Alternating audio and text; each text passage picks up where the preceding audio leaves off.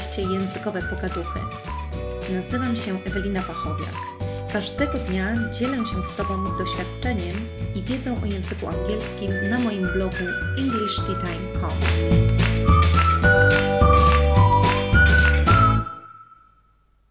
Witam Cię gorąco w drugim odcinku mojego podcastu Językowe Pogaduchy. Dzisiaj chciałabym skupić się na temacie neurodydaktyki w nauczaniu języków obcych, a skoro o tym mowa, moim gościem jest nie kto inny, a Aniela Tekiela, fantastyczna nauczycielka języka angielskiego, która swoją pasją, doświadczeniem i pomysłami dzieli się z czytelnikami na łamach jej bloga neuroteaching.blogspot.com. Witaj Anielo. Bardzo się cieszę, że przyjęłaś zaproszenie do wzięcia udziału w moim podcaście Językowe Pogaduchy. Witam serdecznie. Dziękuję za zaproszenie, jest mi bardzo miło. Akurat mamy nowy rok, także korzystając z tej okazji, chciałabym życzyć Tobie i wszystkim e, wszystkiego dobrego na nadchodzącym, nadchodzących miesiącach, nadchodzącym czasie, żebyście mieli dużo sił i jak już wcześniej wspominałam gdzieś w swoich um, zakamarkach swojego bloga, odszukania, odnalezienia swojego sensu, zarówno w życiu prywatnym, jak i zawodowym. Dziękuję bardzo w swoim imieniu i w imieniu naszych słuchaczy. Anielo, być może jeszcze nie wszyscy znają Ciebie i Twój blog neuroteaching.blogspot.com, na łamach którego dzielisz się swoimi pomysłami na to, jak prowadzić kreatywne lekcje.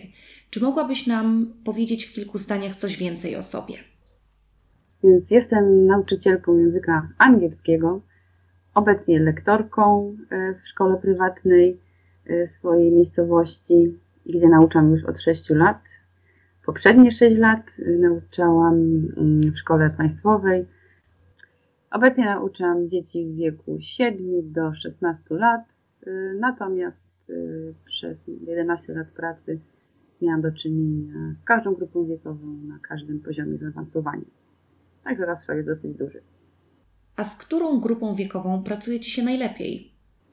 Także nie robię żadnego rozgraniczenia na grupy wiekowe, na to, czy jest mi w danej grupie lepiej, czy gorzej. Są to dla mnie zawsze nowe doświadczenia, okazja do tego, żeby dowiedzieć się czegoś innego, mieć też wgląd w to, co dzieje się na różnych etapach nauczania. Bo mogę powiedzieć, że przez te lata pracy zauważyłam pewną bardzo ciekawą y, zależność. Większość nauczycieli ma tak, że pracuje z jedną konkretną grupą wiekową przez dosyć długi okres czasu i nie ma wglądu do tego, co działo się przed i co działo się po. No, co się dzieje? Jest jakaś podstawa programowa, są pewne wytyczne, wymagania, można je przeczytać formalnie, ale jednak jeżeli widzi się i ma się doświadczenie pracy z uczniami w każdym wieku i na każdym etapie kształcenia, wtedy buduje się taki fajny obraz tego, jak wygląda i ewentualnie powinno wyglądać nauczanie. Widzi się pewne braki, widzi się pewne mm, zależności. Jest to dosyć ciekawa e, perspektywa, po prostu szersza. Jak wiadomo, jeżeli widzimy coś z szerszej perspektywy, to buduje nam się taki pełen, kompletny obraz. Taka szersza perspektywa e, na pewno pomaga nauczycielowi w poszukaniu rozwiązań różnych problemów. Bo jeżeli na przykład, mogę tak z własnej perspektywy powiedzieć, przez około 6 lat nauczałam młodzież starszą, gimnazjalną i licealną, nie wiedziałam kompletnie, jak wygląda nauczanie na poziomach tych niższych, w przedszkolu, w szkołach podstawowych, na etapie, e, na etapie pierwszej, trzeciej klasy lub e, czwartej i szóstej. Nie wiedziałam kompletnie, jakby jakie doświadczenie miały te dzieci wcześniej. Mimo, że to wszystko było gdzieś rozpisane w podstawie programowej i tak dalej, ale dalej była taka luka. Oni z czymś przychodzili, ok, wiedziałam, co mam zrobić na tym poziomie, no ale jednak e, warto wiedzieć, co, co, co ich czekało, co, e, co, co, jakie mieli doświadczenie wcześniej. Bo na podstawie tego można budować ciąg dalszy. Czyli nawet jeżeli prowadzimy badanie, e, weryfikowanie wiedzy, powiedzmy, na starcie, kiedy przychodzi do nas uczeń w szkole gimnazjalnej w pierwszej klasie, mamy jakiś obraz jego wiedzy, nawet jeżeli prowadzimy jakieś szersze testy uplasowania, polegające nie tylko oczywiście na y, zwyczajnych testach ABC, prowadzone z nim rozmowę, y, to dalej jakby nie wiemy, y, co działo się wcześniej, jakie, jakimi etapami on wszedł. Oczywiście nie jest możliwe, żeby każdy nauczyciel nauczał jednocześnie każdą grupę wiekową, ale po prostu mówię, jak wygląda to doświadczenie. Pojawia się coś takiego, taki jakby zarzut, że uczeń idąc do szkoły podstawowej czy tam w przedszkolu zaczyna jakiś etap. Później niby to się wszystko powtarza gdzieś w czwartej klasie do szóstej. Wraca, znaczy kontynuuje naukę w klasie pierwszej gimnazjum, drugiej, trzeciej, dalej jakby jest to samo. No i później trafia do liceum, gdzie znowuż niby jest to samo. Mm, uczeń wychodzący z liceum, który ma zdawać tę maturę na poziomie podstawowym, tak, i, i, tym, i tym rozszerzonym, na poziomie B1, y, on tego poziomu nie uzyskuje, nie, nie, nie, w ogóle nie dysponuje, tak? Są jakieś braki. Mimo, że to było aż 12 lat nauki, dalej gdzieś coś tutaj szwankuje. I na pewno każdy z nas zauważy, że właśnie brak tej takiej ciągłości, pomimo, że podstawa programowa i wszystkie bardziej formalne założenia mają y, na względzie właśnie stworzenie takiego jednolitego programu y, nauczania, to jednak gdzieś zawsze jest ten problem, który nie pozwala temu uczniowi iść dalej. I właśnie moim zdaniem y, wygląda to tak, że nie ma tej spójności, już nie tylko, nie chodzi właśnie o tą podstawę, bo ona jest w miarę tam y, dobrze skonstruowana, jest tam jakaś logika i spójność, ale realizacja tego jest y, już innym, inną sprawą. Czasem są takie sytuacje, gdzie uczeń powiedzmy trafia do gimnazjum, ma jakiś fajny poziom, no ale niestety z, z powodu różnych warunków ta wiedza, którą dysponuje, Mm, nie jest rozposzerzana. Bo wiadomo, musi dostosować się do warunków, jakie panują w klasie, do poziomu innych uczniów, e, w jakiś tam sposób jest zaniedbany, no i później trudno jest wymagać od tego ucznia, żeby bez wsparcia e, szedł dalej, tak? Mimo, że miał potencjał, mimo, że już dużo umiał i nagle okazuje się, że w trzeciej klasie, czy nawet już później w liceum, on dalej na tym samym poziomie, ale będą niższym. E, nawet ci dobrzy uczniowie, którzy właśnie mieli ten potencjał, niestety nie mogą go rozwinąć.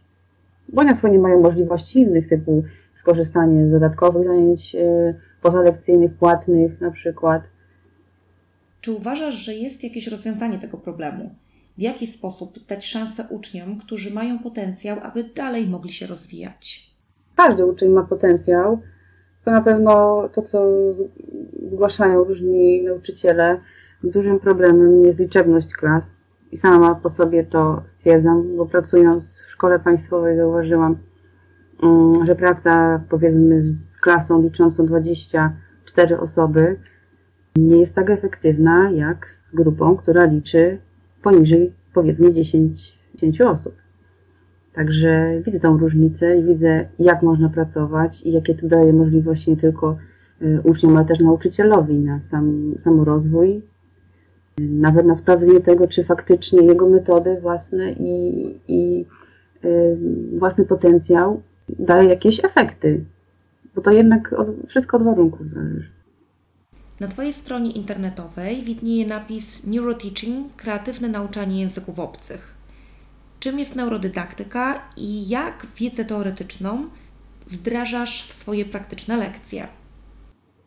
Nazwa bloga w ogóle powstała z racji tego, że w pewnym momencie swojego nauczycielskiego życia byłam zafascynowana tym, nadal jestem oczywiście, co głosi, co propaguje mm, neurodydaktyka, a są to głównie takie mm, założenia jak pobudzanie potencjału ucznia, stwarzanie dogodnych warunków na zajęciach. Więc neurodydaktyka kojarzy mi się głównie z tym, co kreatywne, w tym sensie że jest inne niż to, co dotychczas było propagowane i stosowane w szkołach. To, co głosi neurodydaktyka, jest dosyć bliskie temu, co od zawsze ja jako uczeń i jako nauczyciel uważałam. I dowiadując się, że w ogóle jest taki nurt i istnieje coś takiego, jak neurodydaktyka, e, poczułam pewnego rodzaju ulgę i takie pocieszenie, ponieważ to, co stosowałam, rozpoczynając pracę jako nauczyciel, i koniecznie zawsze spotykało się z aprobatą, może nie taką jawną, ale gdzieś tam ukrycie i tak podskórnie też czułam, że środowisko, w którym funkcjonuję nie do końca akceptuje to, co robię, w jaki sposób pracuję z uczniami. Ja sama czułam natomiast, że to jest dobra droga, może jest inna niż to, co zawsze robiło się w szkołach, czyli takie typowe nauczanie z książką, usadzanie dzieci e, na miejscu, cisza w klasie, autorytet nauczyciela, który musi być takim, no musi być taki rygorystyczny, taki e, tworzący taką barierę między sobą a, uczniami, stojący gdzieś tam w kącie przy tablicy, przy swoim biurku kurczowo trzymający się dziennika i swoich notatek. Także mi to nie do końca odpowiadało. I zawsze w swoich gdzieś tam przemyśleniach z lat ucznia nawet, no i teraz y, dalej uważam, że autorytet nauczyciela to nie to, co on y, posiada w postaci y, dyplomu, osiągnięć, ale to, w jaki sposób to wykorzystuje w bezpośrednim kontakcie z uczniami w swojej klasie. Także no nie sądzę, żeby to, że nawet ja sama mam jakieś tam dokonania, nie są może jakieś duże, ale są, było podstawą do tego, żeby, żebym już czuła się jako, czuła się autorytetem i wymagała od uczniów, żeby tylko i wyłącznie za to mnie szanowali.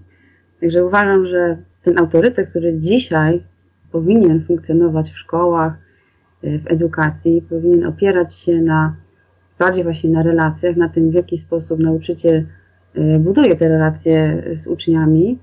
Mm, oczywiście to nie, nie może być tylko i wyłącznie relacja, ale również e, ta wiedza, którą on posiada i w jaki sposób on e, ją przekazuje. Stwarza warunki, aby uczniowie ją nabywali.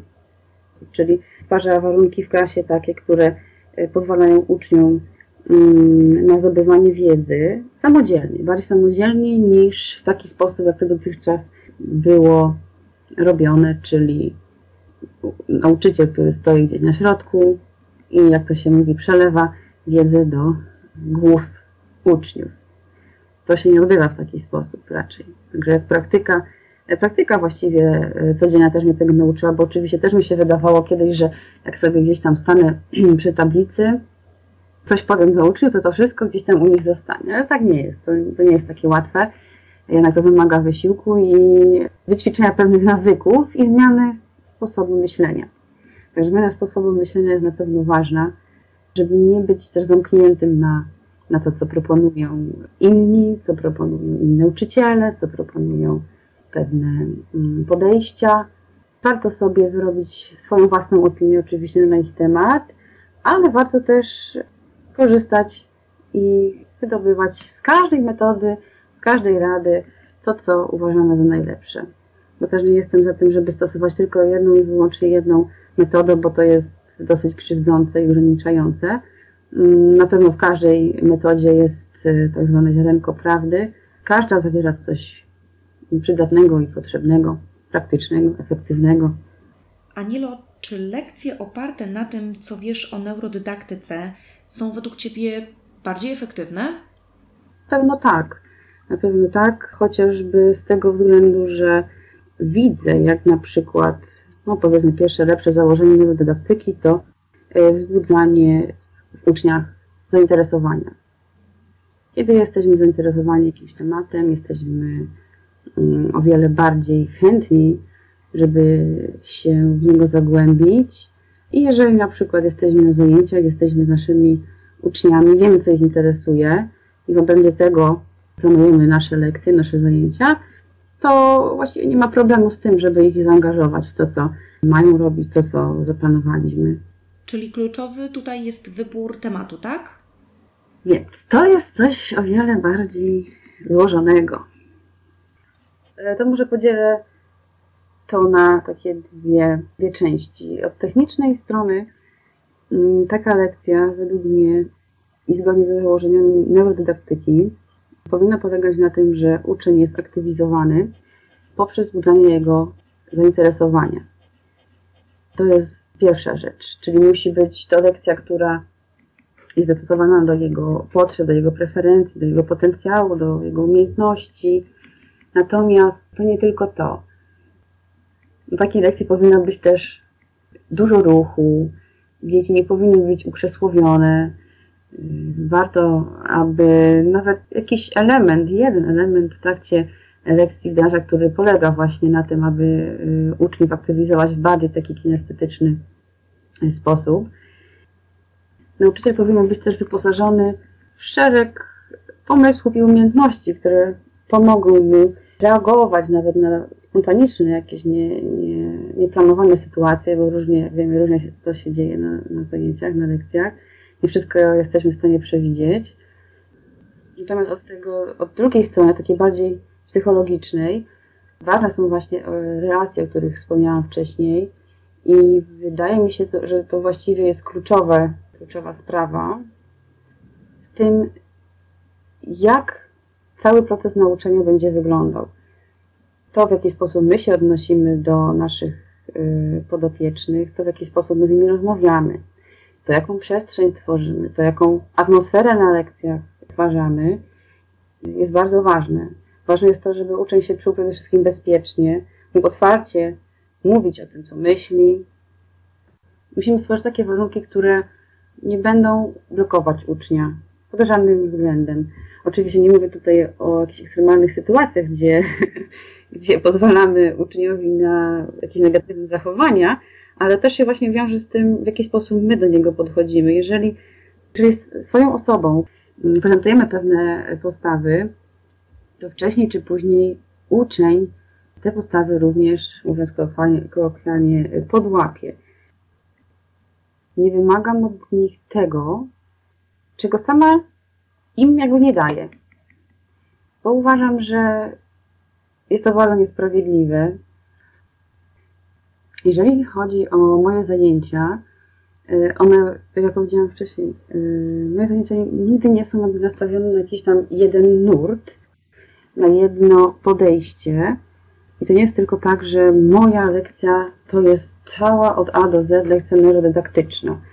Oczywiście czerpię z tego dużo e, inspiracji, natomiast też nie jestem jeszcze na takim etapie, żebym mogła powiedzieć, że potrafię, potrafię planować i przeprowadzać lekcję tak, żeby była od A do Z neurodydaktyczna, bo jeszcze dużo oczywiście mi brakuje.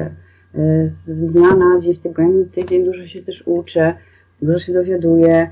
Sama małymi kroczkami wdrażam pewne procedury, pewne procesy, bo to nie jest oczywiście łatwe.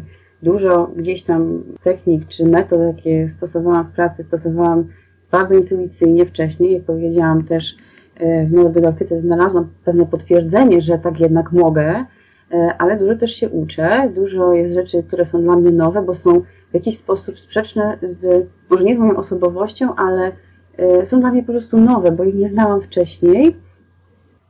I pewnymi ograniczeniami, ograniczeniami są też takie czynniki jak moja osobowość, czy warunki, w których pracuję, czy yy, nawet no, taka trywialna sprawa, ja nie wiem, akuratnie jak się czuję, bo to są różne, różne czynniki. I jak na przykład funkcjonują uczniowie w dany dzień, bo to też jest dosyć nieprzewidywalna sprawa. Ale jeżeli chodzi o właśnie wdrażanie różnych nowych metod, które, których wcześniej nie, nie, nie stosowaliśmy, to też nie jest taka łatwa sprawa, bo wiem to po sobie. Mimo, że nawet chciałam coś niejednokrotnie wdrożyć, to było to trudne, ale nie poddawałam się. Tak czułam podskórnie, że to na pewno się uda, tylko gdzieś po drodze na pewno popełniam błąd, bo jeżeli gdzieś to się sprawdziło, było to w jakiś sposób przeprowadzone mm, i sprawdzone, to być może sprawdzi się też u mnie, ale jeżeli to nie funkcjonuje, to muszę pewnie coś poprawić, bo coś po drodze poszło nie tak. Ale jeżeli faktycznie już widzę w jakimś czasie, że to jednak nie działa, to się oczywiście nie upieram, żeby to na siłę e, wdrażać. Także z każdego dnia uczę się dosyć dużo. Czasem być może też jest tak, że za dużo od siebie wymagam, bo jednak my nauczyciele mamy też to do siebie, że chcemy dosyć e, dużo, oczywiście mając na względzie dobro ucznia i czasem tak na siłę e, coś chcemy prowadzić, ale trzeba wtedy wziąć oddech, przeanalizować to na spokojnie, czy faktycznie musimy to robić, czy jest taka konieczność, czy może poszukać gdzieś indziej. To to też niekoniecznie musi być tak, że powiedzmy jest obecnie jakiś nurt, jest neurodydaktyka, my to musimy koniecznie gdzieś tam wprowadzać całościowo. Oczywiście, jak powiedziałam, warto wdrażać jakieś elementy, ale też nie na siłę i też powoli. Przede wszystkim dać sobie czas i być cierpliwym i być też wyrozumiałym w stosunku do siebie. To jest najważniejsze, żeby nie wywoływać na sobie zbyt dużej presji. To jest ważne. Hmm, musisz przyznać, że my nauczyciele uczymy się i dokształcamy przez całe życie. Oczywiście, jak najbardziej. Jeżeli ktoś myśli, że po tych pięciu latach studiów i po zdobyciu kolejnego dyplomu lub stopnia awansu zawodowego może sobie odpocząć i nic nie robić, to to jest bardzo mylne myślenie, bo jednak świat się zmienia, uczeń się zmienia, e, nasz zawód też się zmienia i pracujemy w coraz to nowych warunkach, nowe, pojawiają się nowe techniki, nowe narzędzia i ciągle trzeba być na bieżąco z tym, co się dzieje. Także dla własnego dobra i dla dobra uczniów trzeba to mieć na uwadze. Zgadzam się z Tobą w 100%. Anielo, mówimy dzisiaj o neurodydaktyce w kontekście nauczania języka obcego. Powiedz mi, czy uważasz, że neurodydaktyka może mieć swoje zastosowanie również na innych przedmiotach, takich jak, nie wiem, biologia, chemia, fizyka?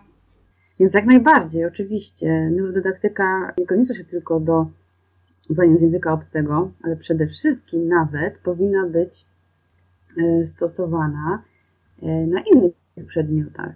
Widząc pewne założenia, które znajdują się e, w neurodydaktyce, wizualizuje sobie przedmioty, na przykład biologię, fizykę, chemię, to w jaki sposób tam, w jaki sposób mogłyby być prowadzone te lekcje. Nawet kiedyś miałam taką uwagę od ucznia, teraz sobie przypomniałam, że e, który mówił, proszę Panią, dlaczego Pani nie nauczy nas biologii? Czemu Pani nie naucza nas języka polskiego? Wtedy też zaczęłam tak sobie właśnie myśleć, że przecież neurodydaktyka y, może wspomóc nie tylko językowców, ale innych przedmiotowców.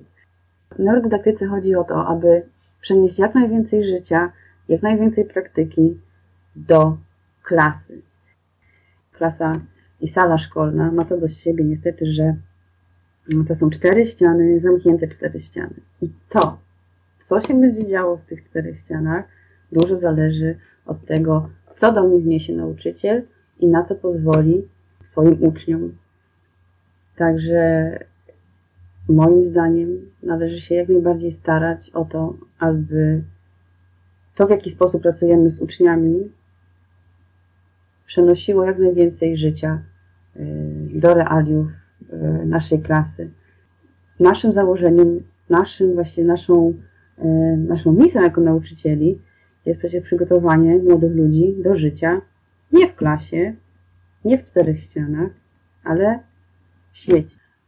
W przeważającej mierze właściwie tylko i wyłącznie do tego, co się dzieje w życiu, mm, czego też się uczę oczywiście, to nie jest też takie hop z mojej strony, też powolutku, małymi kroczkami, ale jednak do przodu udaje mi się to wdrażać. Mm, to, co się y, uczniowi przyda praktycznie, bo moim zdaniem y, takie nauczanie, jak wyglądało to kiedyś, kiedy nauczyciel stał przed klasą, prowadził zajęcia w formie wykładu, są bezsensowne i często porównuję to do przykładu nauki jazdy na rowerze. Nikt nie nauczy się jeździć na rowerze, czytając instrukcję obsługi. On musi po prostu dotknąć, że musi wsiąść na ten rower, uczeń w sensie, tak? Uczeń musi wsiąść na rower, musi sam na nim pojechać, musi nawet się kilka razy wywrócić, wywalić, poobijać, żeby też tego doświadczyć. I to jest taka metafora właśnie uczenia się. Trzeba mm, stworzyć uczniowi warunki, w których on sam może coś dotknąć, sam może czegoś doświadczyć, musi popełnić te błędy. To jest właściwie nieodzowna część uczenia się. Nie możemy go za to karcić, nie możemy przywiązywać do tego takiej dużej wagi, jak teraz to robimy, jak kiedyś też robiono. Teraz to się na pewno zmienia, oczywiście, świadomość nauczycieli wzrasta, ale e, bez tego tak zwany ani rusz. Czy w Polsce dostępne są właśnie jakieś kursy czy szkolenia dla nauczycieli, którzy chcą zgłębiać swoją wiedzę na temat neurodydaktyki i później wiedzieć, jak stosować ją na swoich zajęciach? Czy muszą oni wybrać się na studia? Z tego, co się orientuję jakiś czas temu, kiedy neurodydaktyka, neurodydaktyka wkraczała e, do edukacji, takie kursy były organizowane, ale dochodziły mi słuchy, że to, co się tam dzieje, nie jest praktyczne. Wbrew temu, co sama neurodydaktyka zakłada, to w jaki sposób te kursy były prowadzone, e, wprowadzały e, mętlik i zamieszanie w to, co w pracę i w to, w jaki sposób nauczyciele postrzegają ten temat. I budowało się na, na tej podstawie sporo takich nieporozumień. Dochodziło do nieporozumień. Nauczyciele troszeczkę negatywnie podchodzili do tego założeń neurodydaktyki, bo sami nie rozumieli do końca o co tam chodzi. Nie wiedzieli, jakimi narzędziami pracować, w jaki sposób pracować z uczniami. Mieli przedstawiają tylko suchą teorię. Na szczęście z biegiem czasu ta sytuacja się zmienia. Kursy, które są obecnie oferowane, E, zawierają o wiele więcej praktycznych wskazówek i wydaje mi się, że to jest właśnie spowodowane tym, że spora ilość nauczycieli zgłaszała taki problem. Cieszę się, że jednak e, do tego doszło, że takie, że, że czy studia, czy dodatkowe kursy, które są organizowane online bądź stacjonarnie e, na uczelniach lub też ośrodkach szkolenia i doskonalenia nauczycieli, są o wiele bardziej praktyczne. Czy mogłabyś polecić jakieś e, książki czy też strony internetowe dla osób, które są zainteresowane tematem neurodydaktyki? Wszelkiego rodzaju publikacje i artykuły pani dr Marzeny Żelińskiej, która z tego co mi się wydaje była pierwszą osobą, która w Polsce propagowała założenia neurodydaktyki, jeździła z serią wykładów e, po różnych miastach Polski i odważnie, dosyć odważnie, jeszcze te, nie wiem, 7 czy 6 lat temu, kiedy ja miałam y, możliwość uczestniczenia w jej wykładzie, dosyć odważnie e, głodziła w to, co wierzy, y, czyli w to, aby przede wszystkim zmienić stosunek nauczycieli do ucznia, aby zejść z tego piedestału, na którym stoją nauczyciele i tak w cudzysłowie zejść do poziomu ucznia, a właściwie e, stworzyć takie warunki, aby ta relacja nie polegała na wyższości, ale na e, partnerskiej e, współpracy. Także na pewno byłaby to pani Marzena Rzymińska, jej neurodydaktyka, jej książka pod tytułem Neurodydaktyka, nauczanie się i uczenie się przyjaznemu mózgowi. Pani Marzena działa również na łamach bloga Widzącej się Szkoły, Polecam wszystkie publikacje pani Marzeny Żylińskiej, zarówno e, te książkowe, jak i w formie artykułów, które publikuje w internecie. Oprócz tego, że polecam publikacje związane z neurodydaktyką, chciałabym również polecić publikacje, które e, związane są z kolei z neuromitami. I neurodydaktyka również w pewnym sensie stara się walczyć tym, co przez lata funkcjonowało w przestrzeni edukacji mm, jako prawda, jako tendencja, która e, oparta jest na faktach, podczas gdy okazuje się, tak do końca nie jest. Jako nauczyciele powinniśmy nie tylko krytycznie odnosić do tego, co pojawia się w przestrzeni edukacyjnej jako propozycje pracy, propozycje czy rozwiązania edukacyjne, powinniśmy umieć weryfikować to, czy są to y, informacje rzetelne, czy pochodzą one ze rzetelnych i sprawdzonych źródeł, czy jest to jedyny swego rodzaju mit powielany przez wielu, ale tak naprawdę nieudowodniony y, przez żadne naukowe źródła. Kolejne pytanie brzmi: Jakie metody, które stosują nauczyciele języków obcych, są według Ciebie nieefektywne i dlaczego?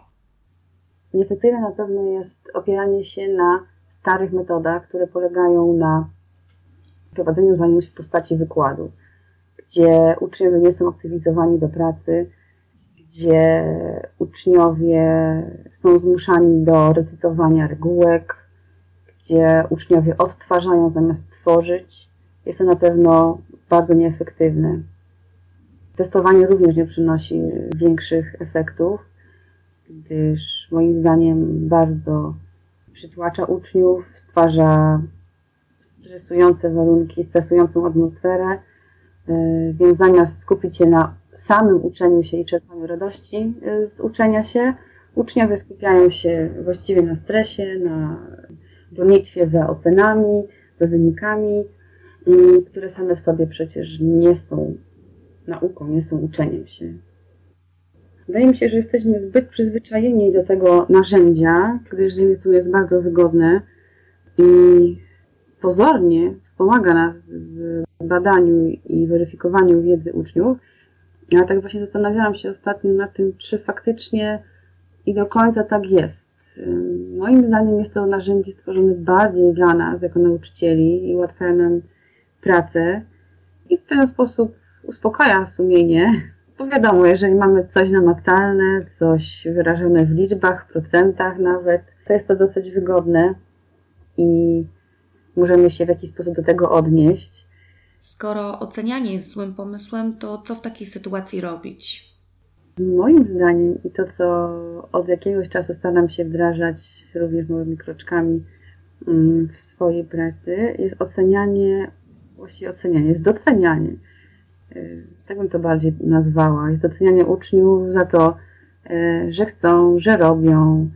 Mm, to nie tak powierzchownie, ale tym, w jaki sposób, to, to w jaki sposób y, prowadzę zajęcia, w jaki sposób pracuję z uczniami, tworzy taką atmosferę mm, cieszenia się tym, z czego, tym, co robimy. Muszę przyznać, że jakiś czas temu e, testowałam na przykład e, metodę e, buziek, naklejek jako nagrody dla uczniów za daną aktywność bądź za brak, kiedy na przykład wystawiałam minusiki i wówczas była taka moda i taka tendencja do wywieszania w klasach plakatów, takich tabel na przykład, E, w których wpisywano imię e, uczniów, imię ucznia, tworzono taką listę i odnotowywano na niej sukcesy bądź porażki. Czy to odnośnie zadania domowego, czy to zachowania, czy to jakichś innych aktywności lekcyjnych. Mm, stosowałam tę metodę około dwóch tygodni i byłam przerażona jej efektami. Po prostu naprawdę byłam przerażona bo mm, zauważyłam po tygodniu około, właściwie to już od, od, pierwszego momentu, ale myślałam, że może coś źle robię, może trzeba przeczekać pewne rzeczy, a zauważyłam rosnącą frustrację wśród dzieci, dążenie do uzyskiwania najlepszych efektów. Te osoby, te, ci uczniowie, którzy w jakiś wywiązywali się z danych zadań, bardzo agresywnie reagowali na to, co robią uczniowie, którzy się z tego nie wywiązują. E, czuli się lepsi, wiadomo, czuli się, czuli się docenieni bardziej.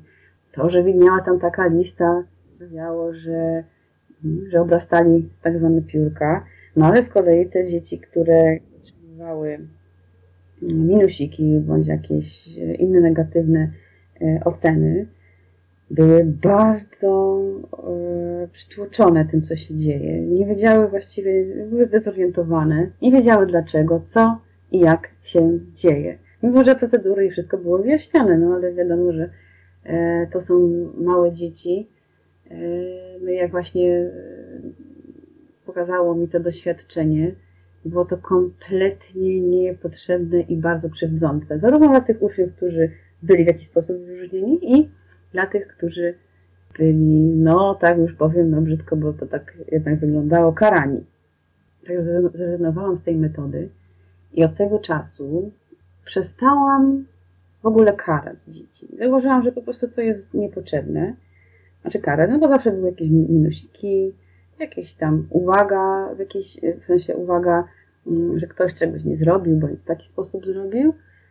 I zaczęłam eliminować powolutku wszelkie metody, które oceniały uczniów. Dzisiaj jest tak, że mm, na zajęciach jakakolwiek aktywność, bo jest ich dosyć dużo na zajęciach, jest po prostu przeze mnie doceniana miłym słowem, uśmiechem, no i po prostu jakimś zachowaniem. I nie tylko, ponieważ e, z biegiem czasu uczniowie nauczyli się i zobaczyli właściwie, że to, co robią, jest samo w sobie bardzo przyjemne i bardzo fajne.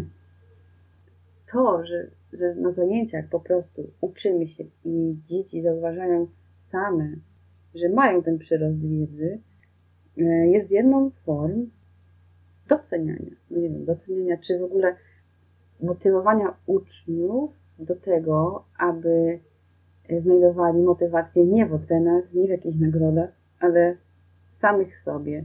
Czyli w tym, że cieszą się z, danego, z danej aktywności, że mogą tu być, że mogą uczestniczyć i faktycznie to bardzo pozytywnie na nich wpływa.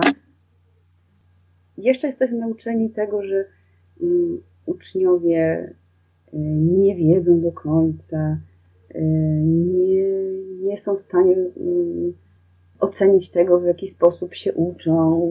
Właściwie niczego nie wiedzą, bo my wszystko wiemy i wszystko przekażemy ta ich świadomość i taka rosnąca samoświadomość to jest właśnie to, co też powinno być jakimś elementem tego oceniania. Przyznam, że obserwuję Twój blog i to, jak aktywnie działasz na facebookowych grupach. Jestem naprawdę pod ogromnym wrażeniem wkładu e, pracy, zaangażowania w to, co faktycznie robisz. E, ale moje pytanie brzmi: skąd czerpiesz pomysły na swoje wyjątkowe zajęcia? Nie wiem, może Cię rozczaruję albo zdziwię, ale pomysły zawsze czerpałam właściwie z własnej głowy.